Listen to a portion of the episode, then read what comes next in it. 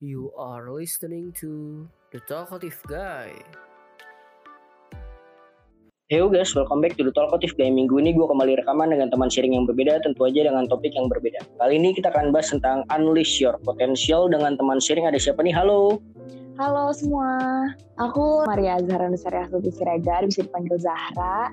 Nah, aku sekarang nih mahasiswi di Universitas Indonesia, sekaligus Ketua Jurusan Manajemen 2020. Oke, nah berarti sekarang semester berapa nih Zahra? Aku semester 1, Kak. Sebelum ngomong ngobrolin ke masa SMA dan kuliah, ini kan kita masih dalam masa pandemi nih sekarang gitu kan. Nah, selama kurang lebih 7 atau 8 bulan selama pandemi ini, apa aja sih yang berubah dari Zahra nih? Boleh cerita apa pun itu? Uh, jujur banyak banget sih, Kak. Kayak udah lama banget aku selama pandemi aku tuh tipe yang jarang keluar rumah gitu kan padahal biasanya aku Oke. kayak sering jalan-jalan tapi karena pandemi ya aku mau preventif juga nggak mau ikut menular-tularkan virus ke orang-orang. Jadi aku ya aku stay at home lama. Tapi belakangan ini karena udah lumayan banyak keperluan keperluan uh, ketemu sama teman kuliah atau keperluan kerja gitu. Kan aku panitia di acara-acara juga kan jadi perlu Ah. uh, ketemu untuk rapat. Jadi aku mungkin yang urgent-urgent aja sih aku keluar rumahnya. Oke, tapi kalau dari segi kegia- kegiatan atau ada hobi baru gak nih? Selama di rumah gitu kan? Sebelum keluar-keluar gitu, ada hal yang dilakuin baru gitu? sebelum pandemi aku emang udah ini kan kak aku udah rajin olahraga tapi nggak yang kayak serutin itu tapi karena pandemi ini aku bener-bener jadi workout addict gitu sih yang lari pagi tapi di komplek doang sih kak terus yang uh, workout dari rumah aja sih biar sehat daya tahan kak Oh, iya iya benar sih. Apalagi ya pandemi kayak gini kan virusnya nggak kelihatan gitu kan siapa aja bisa jadi carrier gitu kan itu Iya, lebih bahaya bener. lagi kalau nggak ada vitamin olahraga segala macam. Kalau aku nanya ke kamu gitu Zahra, selama pandemi ini nih kayak ngerasa kayak wah ternyata nggak enak ya kalau misalnya di rumah terus jam dalam jangka waktu lama atau malah sebaliknya gitu malah ya fun-fun aja kok ternyata di rumah dalam jangka waktu lama nih. jujur aku awalnya yang kayak aku masih oke uh, di rumah lama karena masih bisa keep in touch sama teman-teman juga lewat banyak lah line Skype dan lain-lain kan. Tapi kayak Oke. begitu udah di atas sebulan dua bulan gitu kayak jujur aja ya pasti orang-orang ada titik bosannya gitu loh. Kayak di rumah kan terbatas apa yang bisa kita lakuin. Paling cuma nonton atau kayak ya pokoknya yang internet based gitu kan.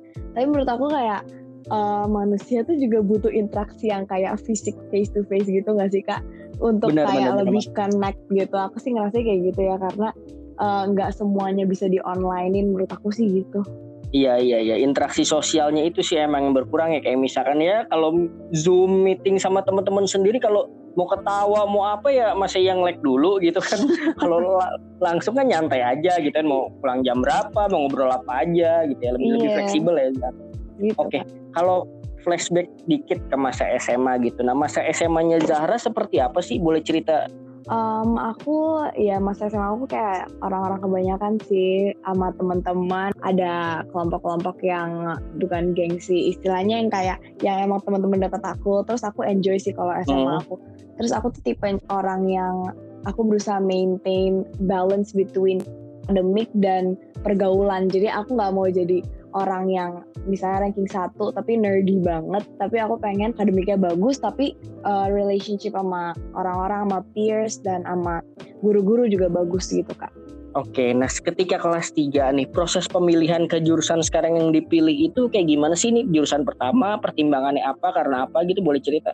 aku personally dulu tuh aku sempat bingung kak mau aku banyak sih pilihannya dulu jadi aku sempat ke Hmm. psikolog juga kan aku antara Oke. uh, ilmu ekonomi, HI atau manajemen. Terus itu labil parah tuh kak. Aku sampai ke psikolog, sampai ke Hmm. konsultasi ke guru BK dan lain-lain. Kalau guru BK nyaranin aku IE sih waktu itu. Tapi begitu aku ke psikolog, aku kedua psikolog kalau nggak salah waktu itu. Terus mereka nyaranin di manajemen dan akhirnya aku setelah a long discussion with my parents juga akhirnya aku memutuskan untuk di manajemen kak.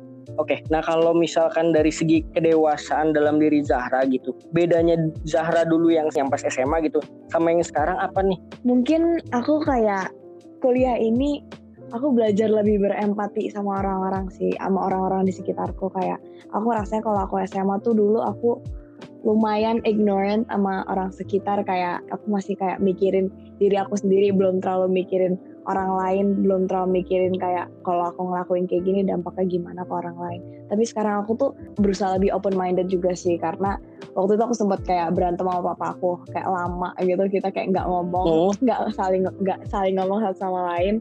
Terus kayak Hmm. akhirnya kita nggak ada baikannya sih nggak ada yang kayak minta maaf. Tapi kayak aku uh, berusaha yang kayak kalau pagi ngomong kayak iya morning gitu-gitu. Biar kayak mencairkan suasana. Kayak dari situ aku belajar buat empati sama orang terus kayak orang tuh kayak butuh interaksi sosial gitu kan kak sebenarnya aku serumah tapi Ah. aku nggak ngomong itu parah banget dan itu kayak semingguan Iya gitu sih. jadi aku I learned a lot from that gitu sih terus papa aku juga banyak ngasih kayak petuah gitu yang kayak bisa ya nggak ngomong seminggu padahal satu rumah gitu-gitu gitu Waduh. sih kak Oke, oke. Nah kalau udah singgung orang tua dikit gitu, orang tua Zahra tuh mendidik Zahra seperti apa sih dari kecil? Dan pesan apa yang paling diinget sampai sekarang? kalau orang tua aku tuh tipe yang eh, ini mungkin aneh banget kayak kalau orang tua orang lain tuh yang kayak suka misalnya kalau habis ulangan pasti mereka nanyain kan. Terus kalau misalnya jelek eh, biasanya kan dimarahin. Kalau bagus Iya. dikasih reward gitu ya kak. Kalau orang tua aku tuh kayak beda banget sih jujur. Mereka mereka nggak pernah nanyain nilai aku kak jadi kayak Oh, mereka oke.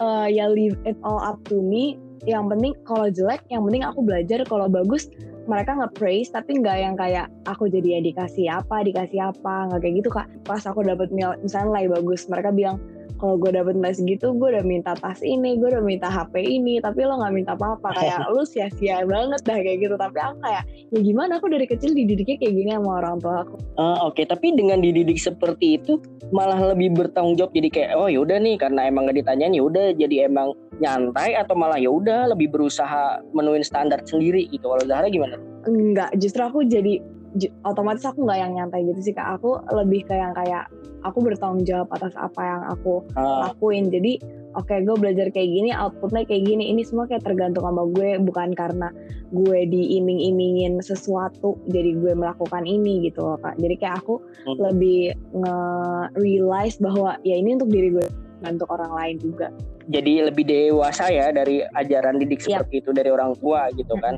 Oke, nah terus pesan yang paling diinget sampai sekarang apa nih? Misalkan yang sering dibawain oleh orang tuanya Zahra gitu. ini sih mereka paling sering ngingetin aku untuk kayak rendah hati dan berbagi jadi kayak jangan kalau lo udah di atas maksudnya bukan maksudnya bukan dalam keadaan uang gitu ya kak kayak Heeh. misalnya lo udah misalnya ranking satu atau kayak pokoknya yang nilainya bagus-bagus gitu kayak jangan lupa untuk eh, ngajarin teman-teman aku juga. Jadi aku kalau ada teman aku yang kesusahan juga aku berusaha banget untuk bantu semampu aku. Jadi aku nggak mau pinter sendiri gitu. Karena apa gunanya juga kan kan yang penting ilmunya dibagi-bagi.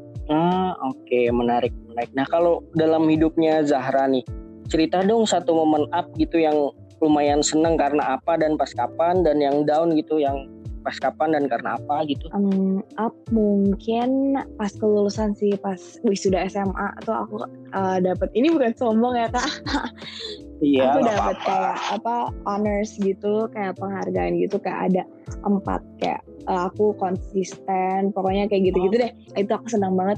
Aku kayak ngerasa itu apa ya my all my hard work paid off at that point gitu. Jadi a form of self re- self reward aja sih buat aku. Jadi aku senang banget pas itu. Kalau untuk downnya aku hmm, pas SMA ini pasti relate ya sama remaja-remaja Hmm. di luar sana. Kan SMA tuh kan banyak kepanitiaan gitu ya. Terus pasti ada dong Oke. satu dua yang bergengsi gitu. Nah terus aku Hmm. tuh dulu sempet daftar. Terus aku pok- pokoknya long story short ditolak. Terus abis itu tuh aku down parah. Aku bener-bener kayak aku males daftar kepanitiaan lain karena ah paling nanti gue juga ditolak lagi atau kayak gitu. Pokoknya itu aku down lama sampai orang tua aku nyadar. Terus mereka akhirnya kayak uh, ngomong ya mungkin kamu nggak bisa exit di sini. Kamu udah mimpin maksudnya kamu udah mimpin yang kayak uh, udah lebih dari orang lain di bidang lain. Tapi ya kak kayak Nah, uh, tapi uh, mungkin yang saat ini tuh bukan jatah kamu bukan rezeki kamu. Ini rezeki orang lain gitu jadi aku di situ belajar buat yang kayak oke bersyukur aja gue yang ini gue nggak dapet tapi gue udah dapet di tempat lain mungkin ini untuk temen gue yang di tempat lain itu gue yang dapet jadi ini jatah dia gitu Hmm, hmm.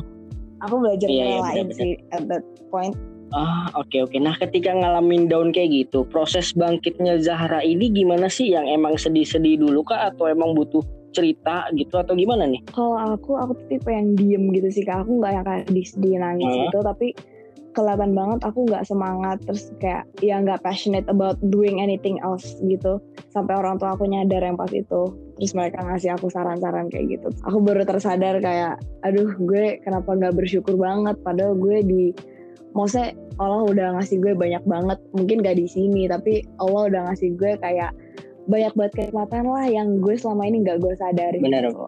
Oke, berarti emang peran support system terutama keluarga gitu yang penting buat keadaan-keadaan seperti itu dalam hidup yes. Zahra ya. Selama kuliah gitu, menurut Zahra aja gitu. Penting gak sih kita untuk tahu kekurangan dan kelebihan diri kita nih? Kalau penting kenapa? Kalau enggak kenapa? Penting banget uh, untuk tahu strength uh. and weaknesses kita. Aku setiap daftar, kayaknya di semua kepanitiaan tuh kalau interview pasti ditanyain deh strength and weaknesses kita. Pasti. Ya. Itu kayak apa ya? Penting aja sih buat sadar kalau kalau kelebihan uh, kita bisa utilize kelebihan kita itu untuk apa aja.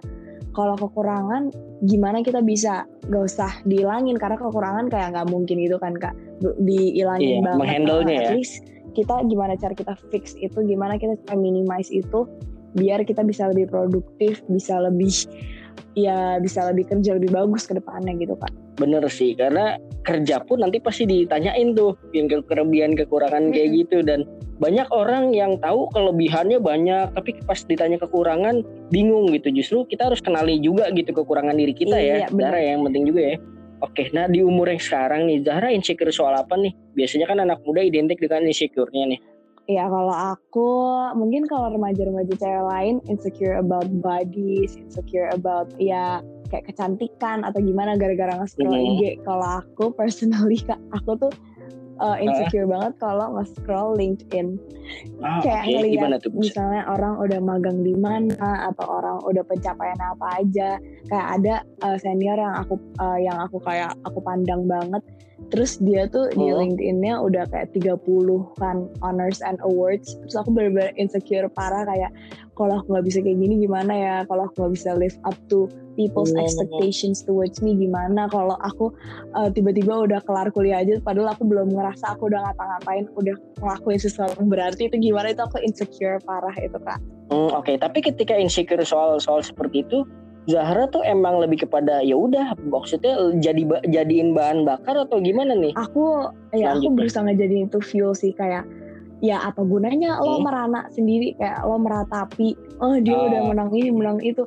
Tapi lo nggak ngapa-ngapain ya. Makanya aku berusaha yang kayak sekarang buat produktif aku juga udah mulai lihat-lihat tempat magang yang cocok buat aku nanti semester 3 terus aku udah lihat-lihat lomba yang kira-kira potensial untuk aku ikutin atau exchange yang aku tertarik gitu sih kak. Oke. Okay. nah ketika ada juga pendengar kita mungkin yang sama kayak Zahra gitu baru masuk kuliah. Sebenarnya menurut Zahra hal-hal apa aja sih yang bisa kita lakuin untuk ngembangin potensi kita gitu selama kuliah di luar pelajaran nah, gitu ya?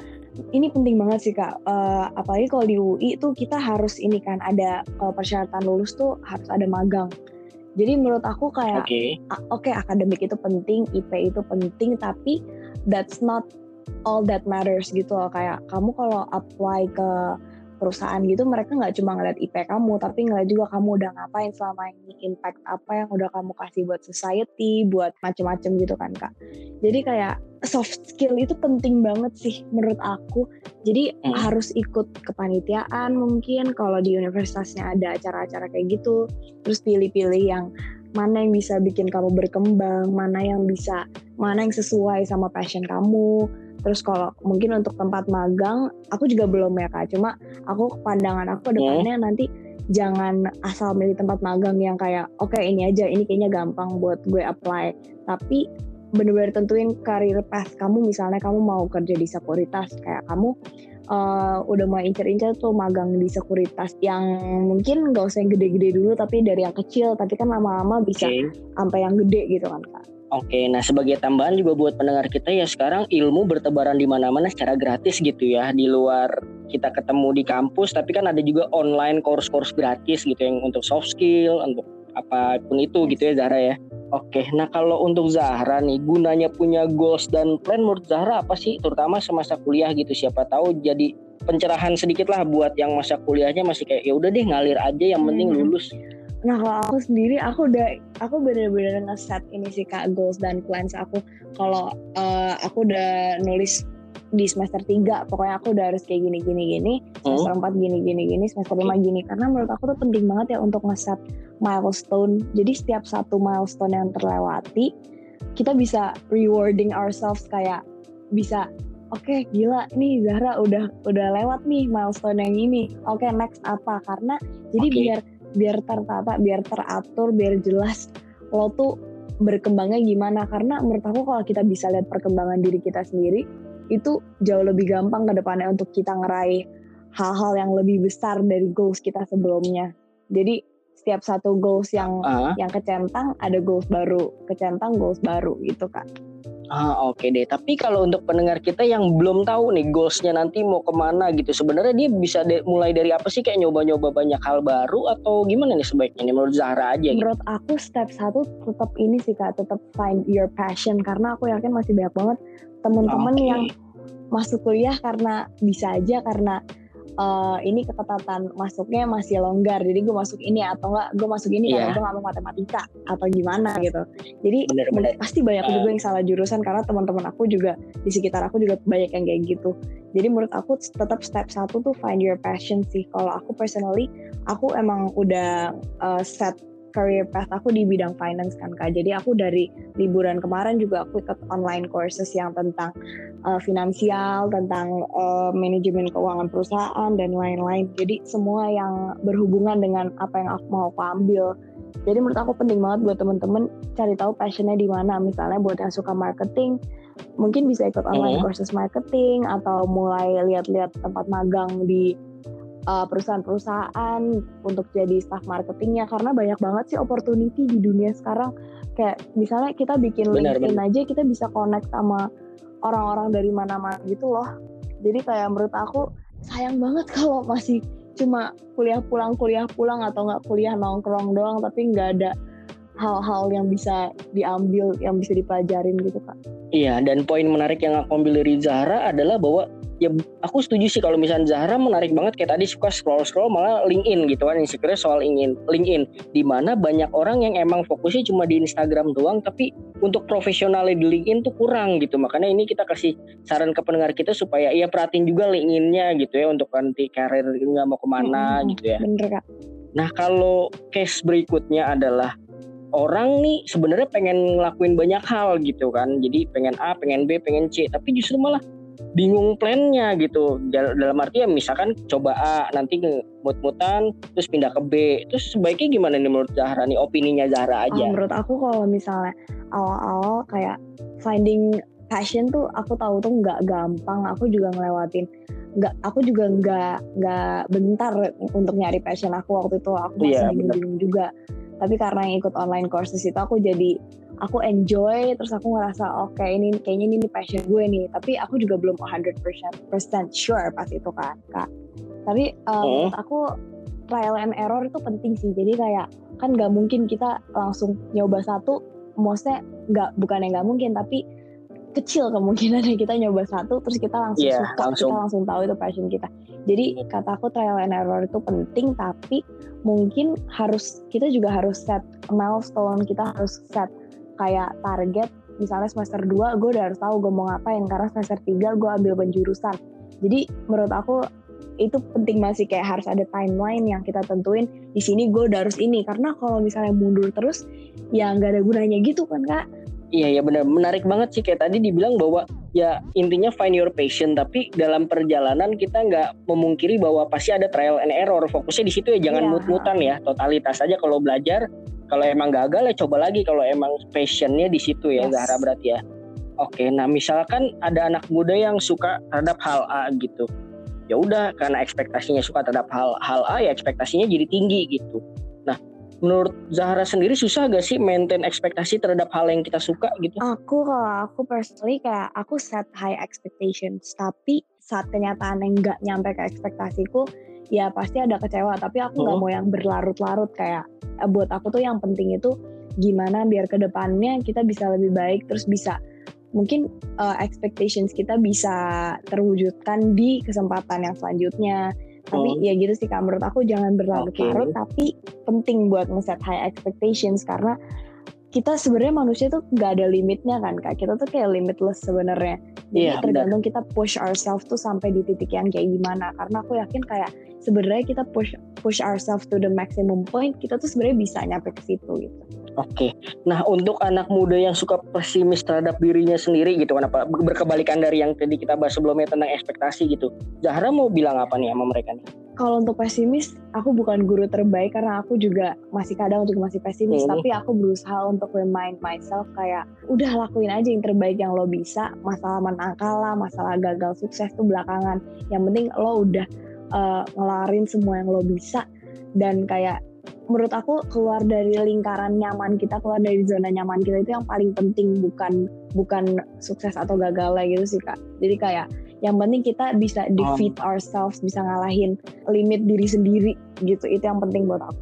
Ah, Oke, jadi punya goals boleh, tapi jangan terlalu fokus sama goals akhirnya. Takutnya jadi beban sendiri gitu ya. Nikmatin prosesnya, keluar dari zona Yes, nyaman penting gitu nikmatin ya. prosesnya percaya diri gak usah kebanyakan ngomong coba gue gini coba gue gini kayak Ah, gak usah banyak itu alasan bener. kayak gitu sih kalau aku Bener-bener penghalang diri kita untuk maju ya cuma diri kita sendiri kan sebenarnya Zahra ya, Iya, bukan orang lain ya. Orang-orang tuh kebanyakan kayak what if gue kayak gini, what if gue kayak gini, coba gue punya duit lebih banyak, Hmm. coba coba gue anak menteri atau apa kayak gitu kayak udah gak usah nyalahin lingkungan sekitar lo, yang penting lo nya aja, kuncinya tuh di lo.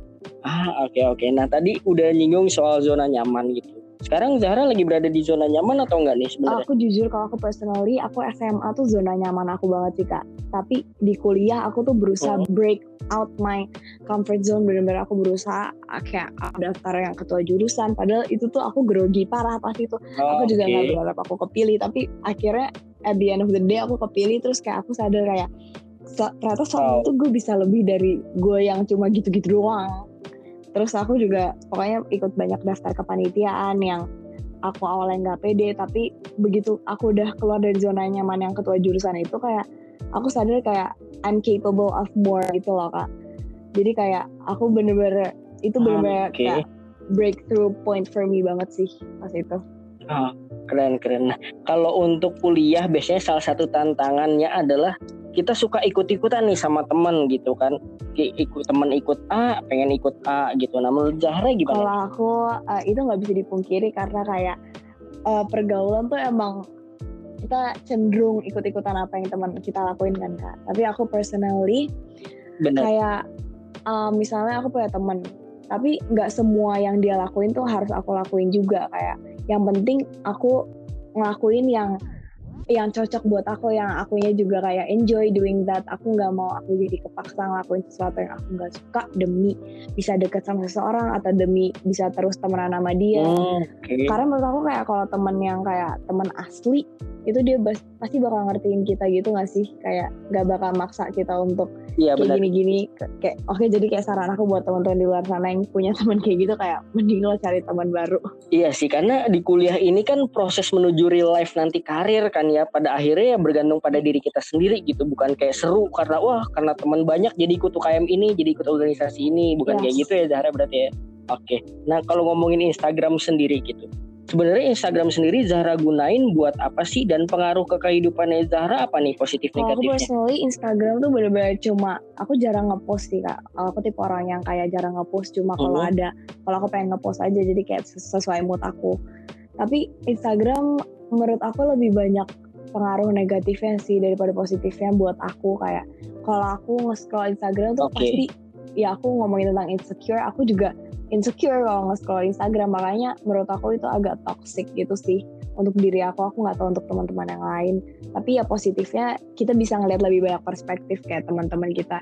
Terus nge memperluas uh, jaring ini mungkin link kayak gitu. Tapi kayak uh, buat aku personally sih lebih banyak efek negatifnya ya toksiknya itu kak Oke, tapi yang menarik dari poin Zahra tadi adalah begitu Zahra tahu Instagram itu bagi Zahra sendiri adalah toksik ya membatasi gitu ya, jangan memaksakan. Itu kan yang Oh, pentingnya kan di situ kan. kita tahu gimana ya kita tuh nyamannya ngelihat Instagram tuh apa kita nggak usah ngelihat yang kayak misalnya Kylie Jenner terus kayak ah coba gue bisa kayak dia coba gue bisa kayak gitu terus jadi merana jadi meratapi diri Ah. sendiri kayak yang penting kayak perbaikin diri lo sendiri kayak gimana lo bisa kayak dia tapi nggak usah jadi yang kayak iri atau nggak usah jadi yang kayak minder gitu sih kalau kata aku benar-benar kadang sosial media Instagram kayak gitu-gitu kalau kita nggak hati-hati membuat kita jadi nggak realistis Oh, ya jadi dalam hidup ya Zahra jadi ya kita nggak ngapa-ngapain jadinya ih udah di situ-situ aja. ya sementara orang lain udah ngelakuin hal A hal B ya entah itu dipamerin apa nggak di sosial media kan haknya dia Hmm. balik-balik lagi ya Oke, nah kalau yang terakhir nih aku pengen nanya nih, setelah kuliah plannya apa nih kalau misalkan Zahra Kalau nanti? aku yang tadi udah aku singgung juga sih kak, aku pokoknya sama kuliah kan aku pengen magang-magang di yang financial services gitu Betul. kan kak. Jadi kalau bisa aku setelah kuliah aku pengen mencari kerjaan di bidang yang aku suka juga di bidang keuangan. Perusahaannya Amin. masih belum tahu, masih pengen ngeliat.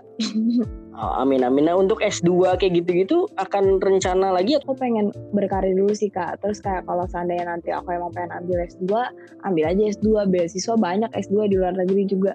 Tapi uh, kalau aku soalnya kalau dari cerita teman-teman gitu kalau misalnya S1 langsung lanjut S2 terus kayak uh, kelar S2 udah umur berapa baru nyari kerjaan menurut aku kayak kurang ini aja sih kurang cocok sama aku Oke oke. Nah ini balik lagi disclaimer apa yang kita obrolin di sini pendapat kita berdua opini kita berdua ya bukan menyudutkan pihak-pihak tertentu atau pengen Yes. ngarahin apa kayak gimana gitu ya. Zahra ya.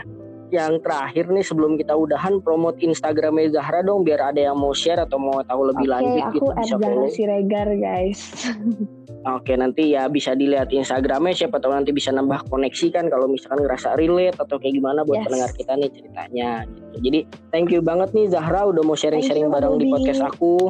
Semoga sukses selalu dan nanti kita bisa collab-collab di konten Yes. positif yang lainnya. Oke, thank you guys yang udah dengerin episode kali ini. Sampai ketemu minggu depan. Bye bye. Don't forget to follow us on YouTube, Spotify, and Instagram at the Talkative Guy underscore ID.